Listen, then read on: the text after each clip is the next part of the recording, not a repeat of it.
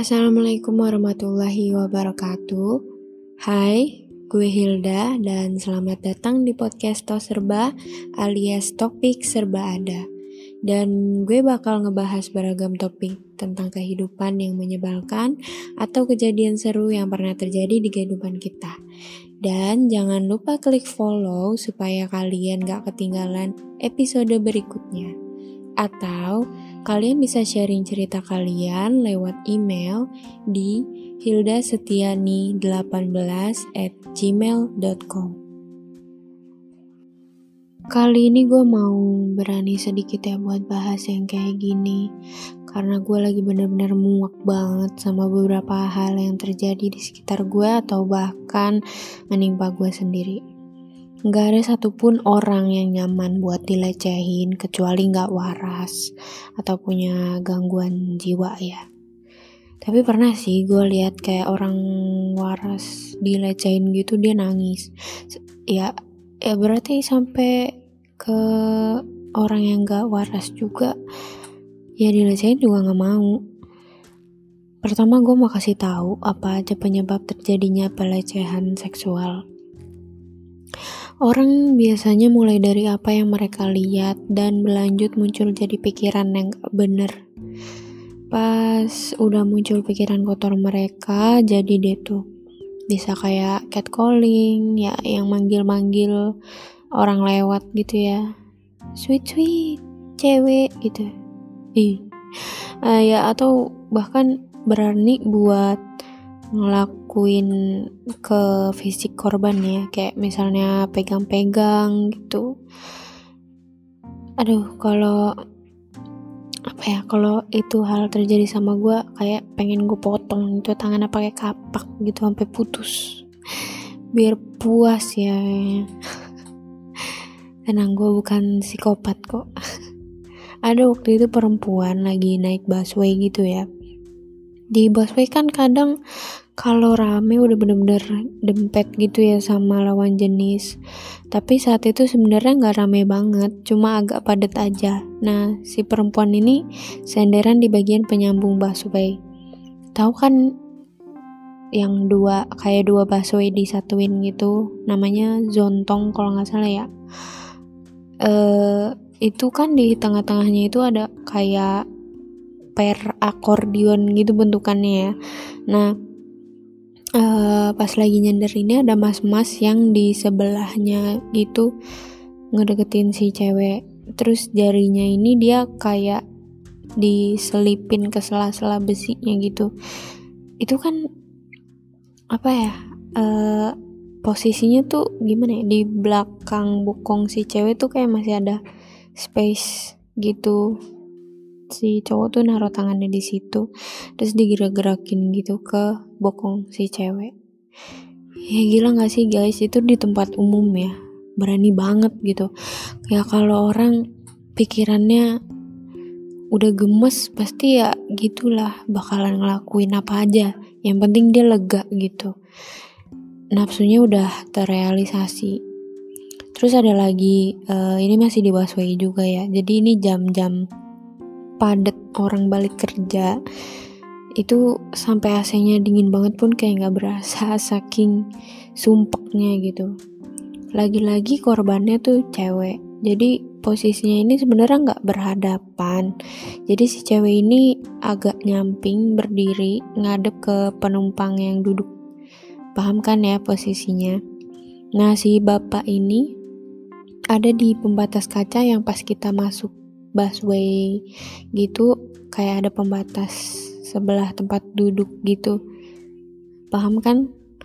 Nah, si bapak itu kan tadinya di situ, terus tiba-tiba maju, maju nempel ke samping si cewek ini. Tapi beruntungnya si cewek ini naik busway itu sama pacarnya yang tadinya si cowok ada di sebelah kanan si cewek sampai pindah ke sebelah kiri buat ngelindungin ceweknya nah ini cowok yang baik. Kalau gue ceritain semua kayaknya bakal panjang banget sih. Ini kan mengganggu secara kontak fisik gitu ya. Nyentuh si korban.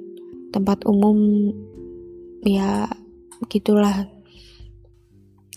Pelecehan itu bener-bener nggak mandang di mana. Kayak ya udah bakalan kejadian aja gitu. Nah yang berikut ini bukan melalui fisik ya tapi lewat jejaring sosial alias sosmed. Sosial jadi tempat favorit orang yang gak berani ngelakuinnya terang-terangan. Kayak tadi ya ini dia gak mau kalau ada yang tahu kecuali si korban ini aja. Kenapa ini bisa disebut pelecehan? Si pelaku ini dengan gampangnya menyimpan foto korban untuk kelakuan bejatnya ya lu tau lah ngapain. Nggak usah gue jelasin lagi gue yakin kalian pasti udah pada paham ya. Selain nyimpan foto korban dia juga sering ganggu si korban ini. nge-DM yang aneh-aneh bahkan nggak segan untuk nunjukin itu gitu si pelaku gitu. Jijik gak sih? Tahu-tahu pas kita buka DM gitu ada foto gituan ya kaget dong sekaligus ilfil banget gila. Tapi nggak habis pikir juga sih ya yang ngirim. Emang tujuannya apa gitu? Emang kita bakal tertarik gitu? Eh nggak tahu deh enak. Kadang sih kayak suka nanya-nanya udah pernah ngapain sama pacar? Pernah nakal ya? Kayak kepo banget gitu awalnya. Terus ngomong deh tuh si makhluk halus. Sama aku aja yuk. Nggak aneh-aneh kok. Cuma mau megang aja mau kiss aja. Ini so cakep juga lu ya. Apa iya sih korban bakalan semudah itu gitu sama ajakannya? Kalau gue sih udah jijik duluan ya sampai eh sampai pusing ngomongnya By the way kalian tuh mesti hati-hati ya guys. Mungkin ini nggak terlalu bikin kita punya luka fisik atau kayak trauma parah gitu ya. Tapi tergantung korbannya juga sih.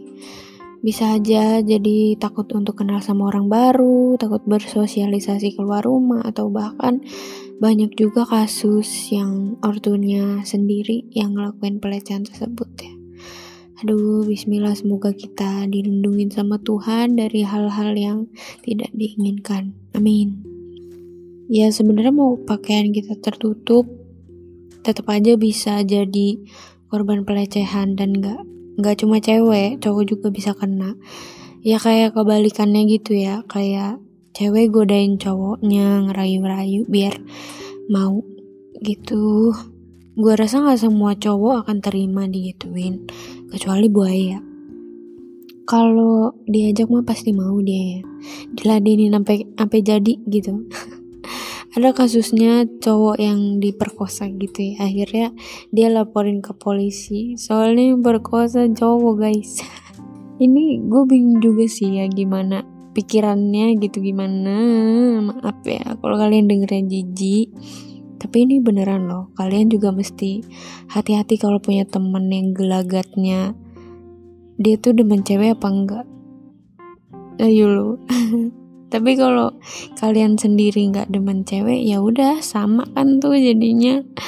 Tapi tolong ya mas mbak lawan jenis itu banyak banget.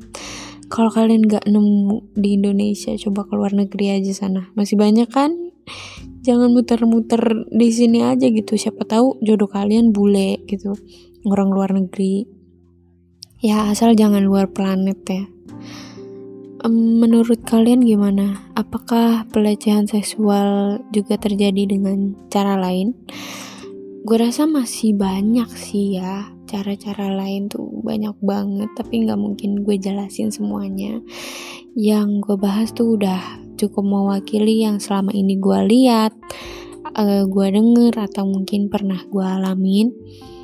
Kalau kalian mau curhat boleh, hmm, langsung DM aja ke Instagram podcast Toserba, sharing-sharing aja. Dan kalau misalnya kalian memperbolehkan gue menceritakan cerita kalian, nanti namanya nggak akan gue publish supaya rahasia kalian tetap aman dan hanya gua, lu dan Tuhan yang tahu. Ya, kalau gitu makasih udah dengerin guys. Tetap hati-hati dan sekarang harus jaga kesehatan terus, oke? Okay? See you on my next episode. Bye bye.